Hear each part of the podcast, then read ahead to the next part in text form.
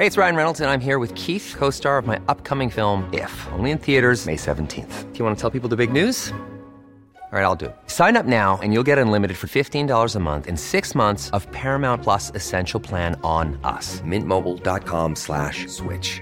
Upfront payment of $45 equivalent to $15 per month. Unlimited over 40 gigabytes per month. Face lower speeds. Videos at 480p. Active Mint customers by 531.24 get six months of Paramount Plus Essential Plan. Auto renews after six months. Offer ends May 31st, 2024. Separate Paramount Plus registration required. Terms and conditions apply if rated PG. Hold up. What was that? Boring. No flavor. That was as bad as those leftovers you ate all week. Kiki Palmer here, and it's time to say hello to something fresh and guilt-free. Hello Fresh. Jazz up dinner with pecan-crusted chicken or garlic butter shrimp scampi. Now that's music to my mouth. Hello Fresh. Let's get this dinner party started. Discover all the delicious possibilities at hellofresh.com.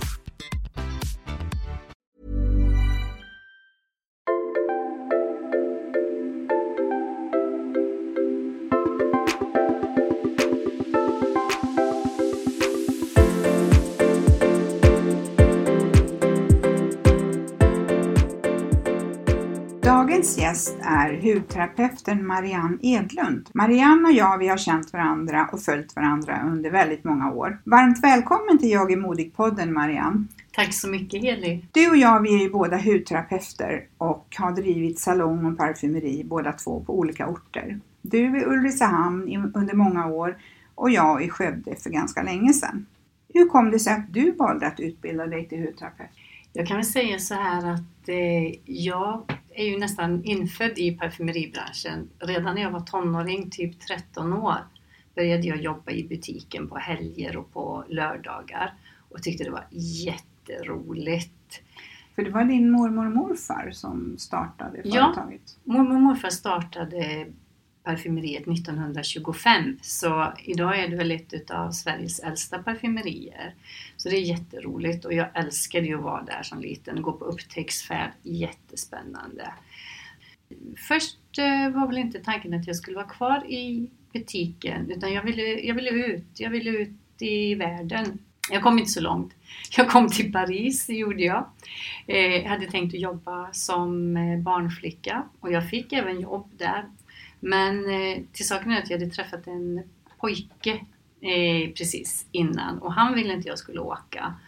Jag hade bestämt mig för att åka innan så jag åkte men blev sjuk där nere och eh, efter en vecka åkte jag hem. Då började jag jobba i butiken och jag har alltid trivts som fisken i vattnet där, jättehärligt. Men sen kände jag att jag ville inte bara jobba i butiken, jag ville bli hudterapeut, eller det hette kosmetolog faktiskt då när jag började utbilda mig, bytte namn sen till hudterapeut. Och då sökte jag till Stockholm, det var nog enda stället som hade utbildning. Och så flyttade jag upp till Stockholm. Så, Vilken skola? Eh, Nya Elementars gymnasium, de hade specialutbildning för hudterapeuter och för optiker på den tiden. Jag vet att där tog jag också min examen. Gjorde du Ja, det? det gjorde jag. ja, nej, och sen, eh, sen efter det så jobbade jag en period i Stockholm och eh, i Köpenhamn. Förstod knappt vad de sa men jobbade gjorde jag, det gick bra. Och sen tillbaka till Ulricehamn och där öppnade jag en hudvårdssalong en trappa upp i parfymeriet och det var jätteroligt att få inreda och börja marknadsföra sig. För det fanns ingen hudvårdssalong i Ulricehamn. Så närmast var kanske Borås. Borås var närmsta. Ja. Och det var i samma veva som jag lärde känna dig sen. ja. Och som du vet så, jag beundrade dig jättemycket. Jag tyckte du var så duktig. Tack. Ja. Och du startade din salong och började ta emot kunder och du var inte så gammal då än. Eh, Jag var väl eh, 22. Du jobbade med dina behandlingar och sen var du i butiken emellanåt också. För då hade väl din mamma tagit över? Ja, mamma hade ju tagit över sedan många år då. Så eh, vi jobbade tillsammans i butiken och så var det andra anställda också. Men det var bara jag som gjorde behandlingar. Sen hände det ju en väldigt tråkig historia. Ja, det var jättetråkigt. Min mamma omkom i en olycka. Hon gick hem på lunch från jobbet och sen blev hon påkörd och omkom. Ja, det var fruktansvärt. Man levde som i en dimma. Det kom ju jobbigt var det. Eh, Och du var ju väldigt ung blev egentligen inkastad in i verksamheten. Ja, det kan man verkligen säga för att eh, bara en dag efter mamma hade dött så var vår revisor där och sa att eh, vi har bokslut, du måste börja inventering. Vi har bokslut den 30 juni och mamma dog den 27 juni. Så det var verkligen att bli inkastad. Ja. Men alltså det var ju bara att göra. Mm. Och på sätt och vis så var det på sätt och vis var det skönt för att du var tvungen att fokusera så. Mm. Du gjorde vad du skulle på dagarna. Det, det hjälpte att vara i butiken. Du hade inte plats för så mycket tankar. Nej. Sen Ulricehamn en liten stad. Det var, det var jobbigt. Eh, Alla visste ju vem mamma var. Man tyckte det var jobbigt att möta folk. Man väntade bara på att de skulle säga någonting så att det var sagt. Man märkte att folk undvek en också. Mm. Det- Vi fortsatte i butiken. Ja, och livet gick vidare. Absolut. Och, eh, och så tog ju du över då eh, Ja, vi- verksamheten. Mm. Det gjorde jag. Efter några år så blev du mamma. Ja, 1985 så fick jag Sandra väldigt efterlängtat. Och då började ju en ny period i livet. Ja. Eh, Småbarnsförälder och eh, Egen företagare. egen företagare. Det var ju inte prat om att vara mammaledig. Man jobbade på kvällar och eh, Sandra började hos dagmamma väldigt tidigt. Mm. Mm. Så hon fick en tuff start. Hon är väl också uppvuxen i parfymeriet? Ja, precis som jag så har hon varit väldigt mycket i butiken. Eh, självlärd, var jätteduktig med kunder, var en riktig problemlösare. Ja, även Ted, eh, min son då, som kom fem år efter Sandra, han har också jobbat i butiken. Mm. Det blir ju så. ja. Nej, men jag kommer ihåg min äldsta son. Så Ja. Det kunde ju vara så att jag tog bilen, hämtade honom hos dagmamman eh, och sen så kanske man skulle skylta om på kvällen. Så då var det att ta med kudde och täcke och sådär. Han kanske sov på golvet i, i parfymeriet Ja, medan jag jobbade. Man fick ju liksom hitta lösningar. ja, och man tyckte ju inte det var något konstigt. Nej, Det nej. var ju inte det.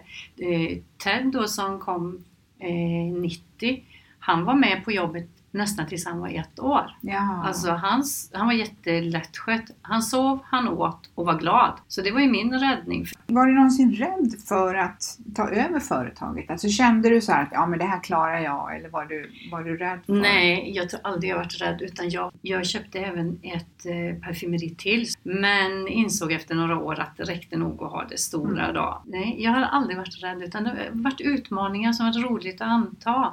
Vi har ju byggt ut och byggt om och det måste du göra när du har en salong eller butik. Kunderna måste se att det händer någonting. Ja. Vi tillhör ju den här generationen där familjeföretag gick vidare till nästa generation. Hur var det för dig, jag tänker med, med din dotter? Var det eh, aktuellt? Jag hade väl hoppats, för hon hade ju blivit fjärde generationen som hade haft affären. Men eh, när jag pratade med henne om det så sa hon nej mamma, alldeles för mycket jobb och för dåligt betalt. Och det är precis vad det är. Men eh, man måste ha ett brinnande intresse Ja. för det. Eh, hon blev civilekonom istället. Men vad som är lite roligt är att hennes första jobb i Stockholm, då hamnade hon på ett av världens största kosmetikföretag, L'Oreal Luxury, som eh, hon fortfarande idag är på och har en bra position där. Ja, Så det är jättekul. Då det var har ni ju gemensamma nämnare. Och, Verkligen. Både gemensamma nämnare men också saker som ni säkert kan dela, alltså era intressen och Ja. utveckling. Ja, vi vet precis var vi står där. Det är Ja. jätteroligt. Du drev ju Hallins parfymeri under väldigt många år, till för några år sedan. 2013 sålde vi och jag tog ju över 83. Ja. Så det blev ju 30 år som jag var chef då. Mm. Eh, Men jag har jobbat där i över 50 år. Alltså jag Oj. kom på det förra året. Jag var ju 13 när jag började så jag jobbade där i 50 år. Mm. Du sålde men du valde att jobba kvar. Vad var den största skillnaden för dig när du eh, helt plötsligt gick dit som anställd? Den största skillnaden var ju att jag fick reglerad arbetstid. Från att tidigare ha jobbat, eh, jag jobbade sju dagar i veckan och jag tänkte inte på det för det var ett sätt att leva. Jag, jag gjorde det bara. Nu blev jag ledig på måndagar, jag var ledig varannan lördag. Helt underbart! Och jag fick semester. Eh, semester har jag väl haft men kanske en vecka då, någon vecka då. Det var den största fördelen. Och sen så var det ju fantastiskt att få jobba kvar, att eh, de nya ägarna ville ha kvar mig. Men jag bestämde mig att eh, jag skulle verkligen backa. Jag skulle själv inte vilja ha en chef som hängde, sa liksom gör så här och gör så här. Utan jag sa fråga hur mycket ni vill men jag kommer inte lägga mig och det tycker jag att det har jag faktiskt hållit fast vid. Mm. Och det konstiga är att eh, ena kvällen, jag låste dörren, gick hem och nästa morgon när jag kom tillbaka var jag ju anställd. Ja. Och det kändes inte konstigt. Jag hade nog trott att det skulle kännas konstigt. Det kändes jätteskönt. Men jag tror att när jag sålde, då hade det varit så mycket saker som hade hänt sista tiden. Så att då var det rätt i tid att göra det. Mm. För ni eh, drabbades ju av väldigt många inbrott under en period. Ja, det var så mycket inbrott så det var helt otroligt. Kulmen var väl att vi hade fyra inbrott på 14 månader. Och då blir man väckt i natten utav en väktare och då tänker man bara så här: nej, inte nu igen. Och så vet du inte hur ser det ut när jag kommer ner på jobbet. Oftast är det ju katastrof. Alltså det, så det var en väldigt skön sak att slippa Mm. tänka på. Det var väl egentligen en väninna som satte orden. Ja, eh, jag hade ju en period när jag var sjuk och inte ens då kände jag att eh, det var inte, fanns inte på kartan att eh, butiken skulle säljas. Men när en väninna en dag sa till mig efter ett inbrott att du inte säljer, då kände jag bara ja, det ska jag göra. Det var precis som polletten föll ner. Nu är det dags. Och det var väl att jag hade mognat fram beslutet. Att Ja. jag kände. Plus att man märker att eh, åren går så fort och livet är skört. Det är mycket du vill göra. Hur ska Mm. du hinna om du jobbar så mycket? Det var nog det som gjorde att eh, vi sålde. Ja. Du är ju en väldigt driven person. Du får ju saker att hända. Du drev företaget under väldigt många år. Har du alltid varit sån? Även Jag som barn? ja, jag tror det. Eh, jag tyckte om att styra och ställa och alltså ganska självständig. Jag, jag tycker om den rollen. Vad är mod för dig Marianne? Ja, mod är för mig att våga säga nej när man inte vill eller inte kan. Istället för att bara hålla med för att man alltid ska vara så himla diplomatisk. Det har nog lite grann med att göra också vad du har jobbat med. Jag tror det, för att eh, har jag en annan åsikt än kunden så säger jag ju inte det. Nej. Utan eh, du förstår vad jag menar. Alltså, man måste vara diplomatisk, Ja. annars skulle du ju inte överleva i den branschen. Nej. Det går ju inte. Mm. Jag kan ju inte liksom eh, framhäva mina. Och jag kan tycka att ibland kan jag vara lite dålig på det. Eh, och, Ja, som privatperson. precis liksom. som privatperson, Ja. absolut. Ibland är du lite för snäll. Ja, men det är att man vill vara alla till lags, Ja. alltid. Det är så. På bekostnad av dig själv. Ja, men Mm. så är det nog. Mm. Och det har ju med yrkesrollen att göra. Ja. Life is full of what ifs. Some awesome, like what if AI could fold your laundry? And some, well, less awesome, like what if you have unexpected medical costs? United Healthcare can help get you covered with Health Protector Guard fixed indemnity insurance plans. They supplement your primary plan to help you manage out of pocket costs. No deductibles, no enrollment periods, and especially no more what ifs. Visit uh1.com to find the Health Protector Guard plan for you.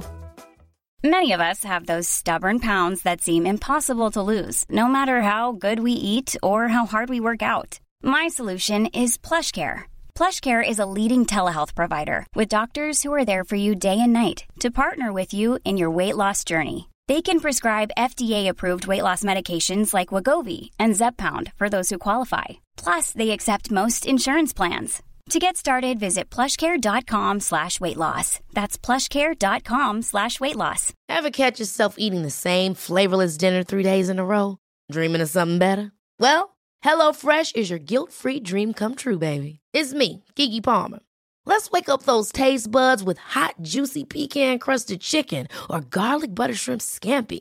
Mm. Hello Fresh. Stop dreaming of all the delicious possibilities and dig in at HelloFresh.com. Let's get this dinner party started.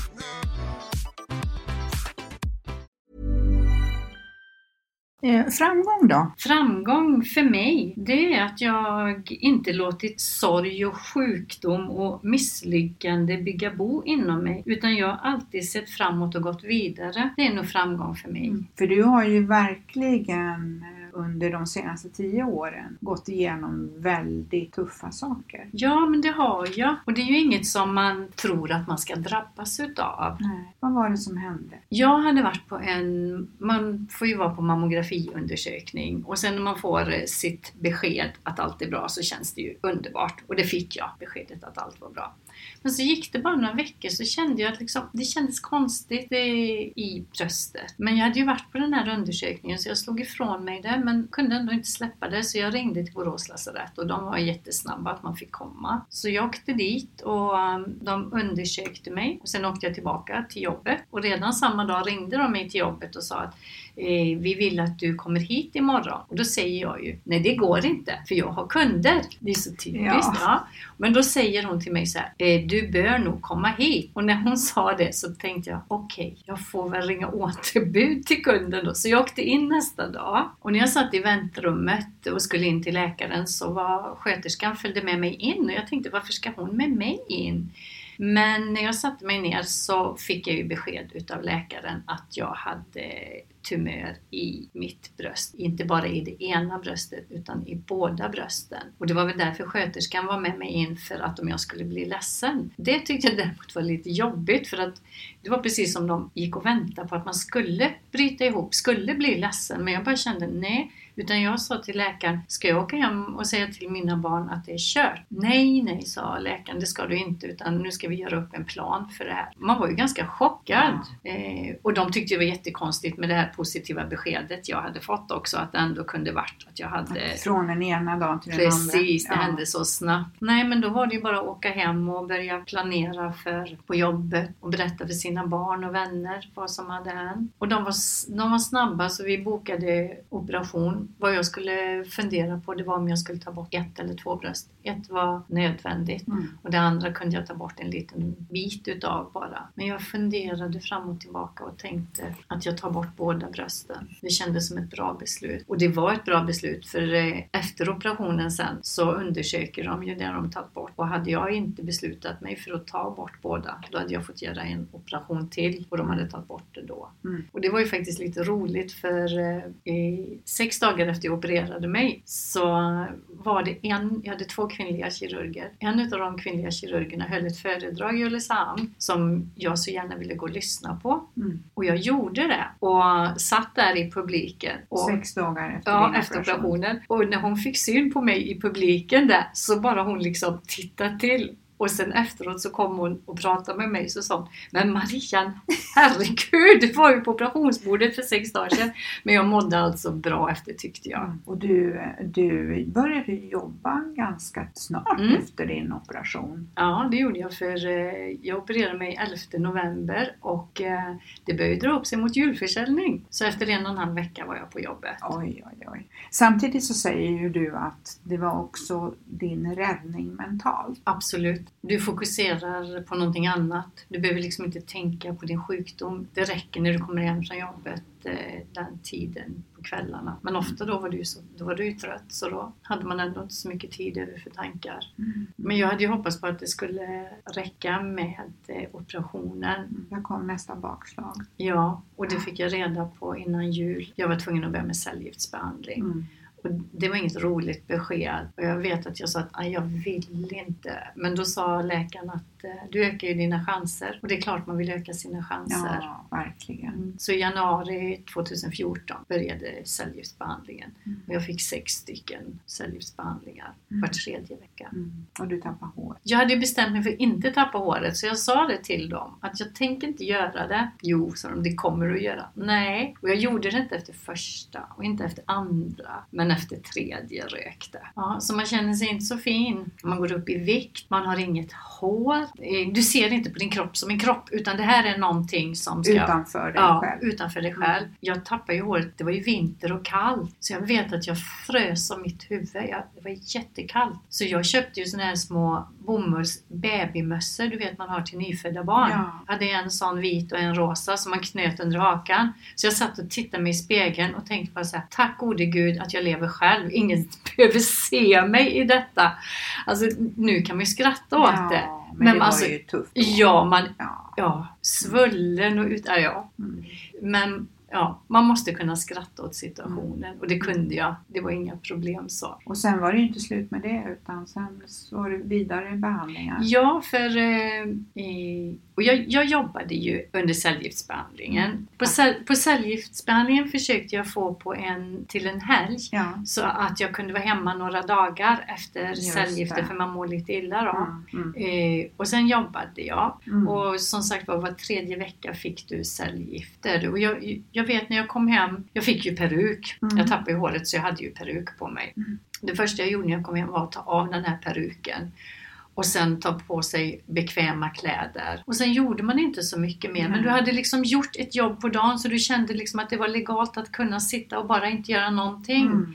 Mm. Och sen eh, var det ny dag och sen löpte det på så. Så de här eh, behandlingsperioderna, det gick bra ändå eh, med facit i hand då. Mm. Men sen precis som du säger, när jag var klar med detta så kändes det ju jätteskönt. Och det var ju då nästa dråpslag kom att det räckte inte med det utan de ville ge mig 25 strålbehandlingar Mm. måndag till fredag, fem dagar.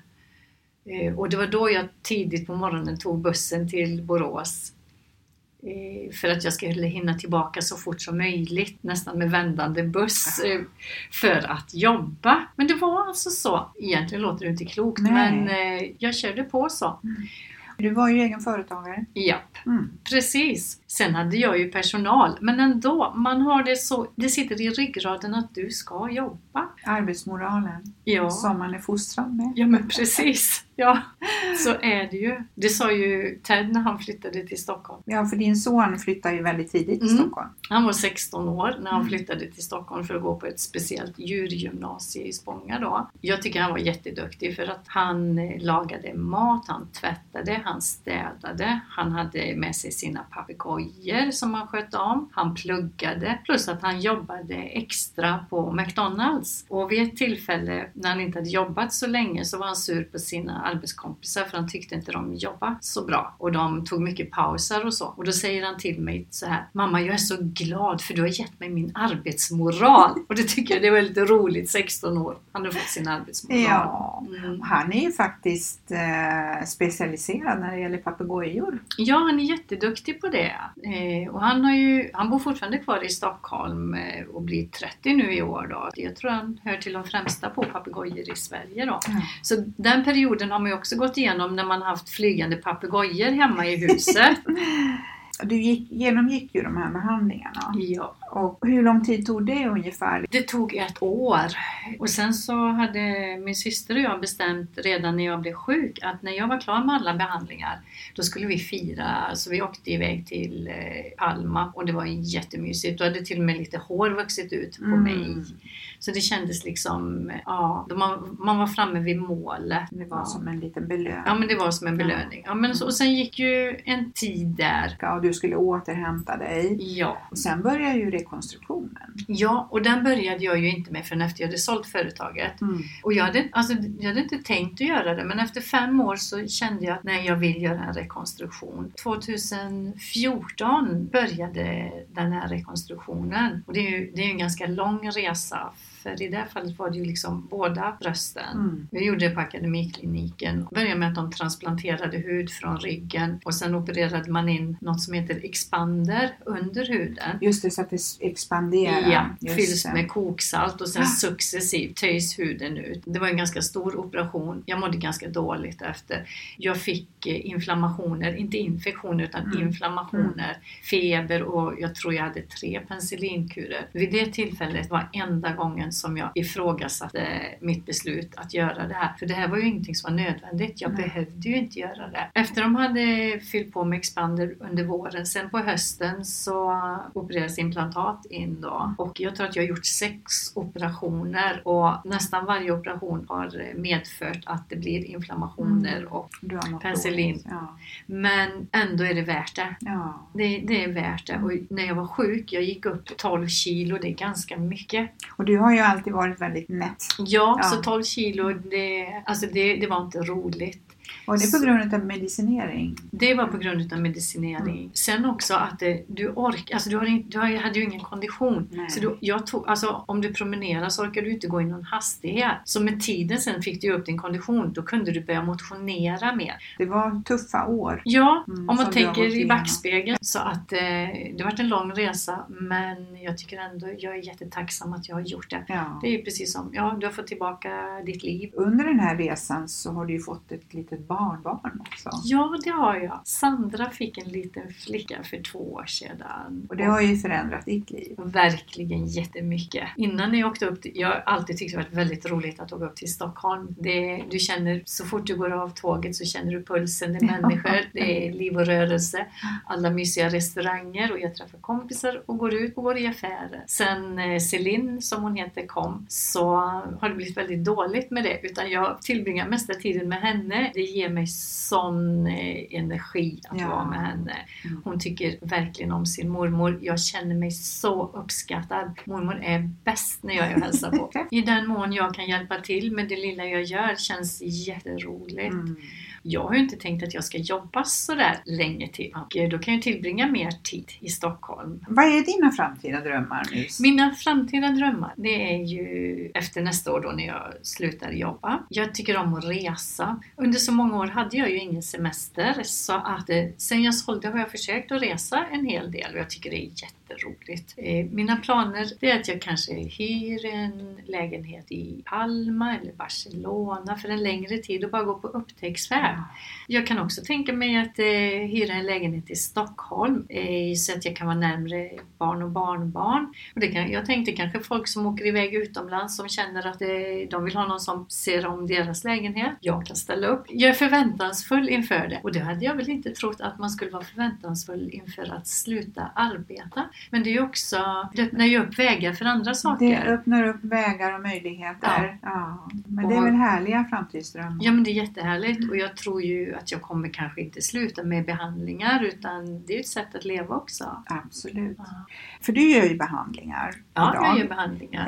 Eh, Du gör ju främst ansiktsbehandlingar. Ja. Ja. Kan du berätta lite, vad är en ansiktsbehandling? Man börjar med en hudanalys och oftast så gör man en, börjar med att göra en, en peeling utav huden och du låter kunden ligga i ozon och sen gör du en portömning och efter det en massage kanske och det är ju många som kommer bara för massagens skull. Den är tycker ju det är så skönt. Massagen, ansikts... men där man får hela dekolletaget. Ja, det är så avkopplande och man eh, är så nöjd när man har kunnat ge kunden detta för man märker på hennes välbefinnande att hon mår bra utav det. Så det är många kunder som, ja de kommer ju regelbundet. Hur lång tid tar en sån här behandling? Den tar en och en halv timme. Det är en och en halv timme avkoppling. Ja, det är det. Och många somnar ju. Ja, och det är ju också så härligt man hör att de kan slappna av så mycket att de somnar. Ja. Så vi gör ju allting som man gör på en salong Ja. då med vaxning och fransfärgning och Ja. manikyr och Mm. allting. Mm. Och det är ju också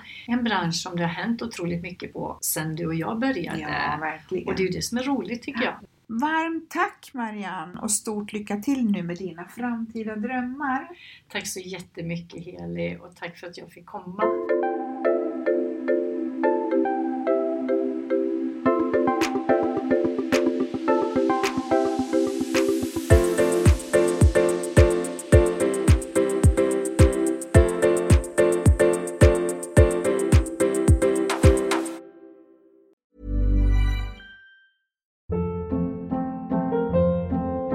Hold up. What was that? Boring. No flavor. That was as bad as those leftovers you ate all week. Kiki Palmer here, and it's time to say hello to something fresh and guilt-free. Hello Fresh. Jazz up dinner with pecan-crusted chicken or garlic butter shrimp scampi. Now that's music to my mouth. Hello Fresh. Let's get this dinner party started. Discover all the delicious possibilities at hellofresh.com.